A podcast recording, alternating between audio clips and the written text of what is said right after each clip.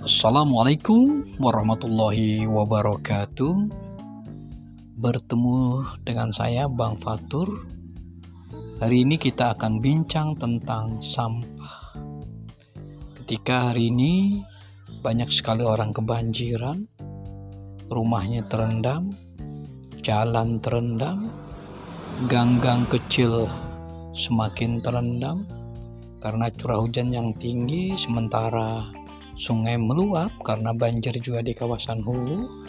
Lalu banyak sekali gorong-gorong, kemudian drainase, sungai-sungai kecil yang tersumbat dengan sampah. Kenapa kok tersumbat dengan sampah?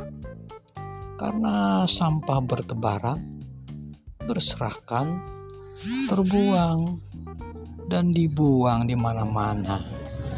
Terbawa air, dia berjalan ke mana-mana. Inilah sebetulnya problem kita. Problem sampah karena orang masih berada di kuadran sampah. Kuadran problem sampah seharusnya kita bisa keluar dari problem sampah atau kuadran problem sampah ini Bagaimana caranya? Kita ikuti uh, ngobrol berikutnya.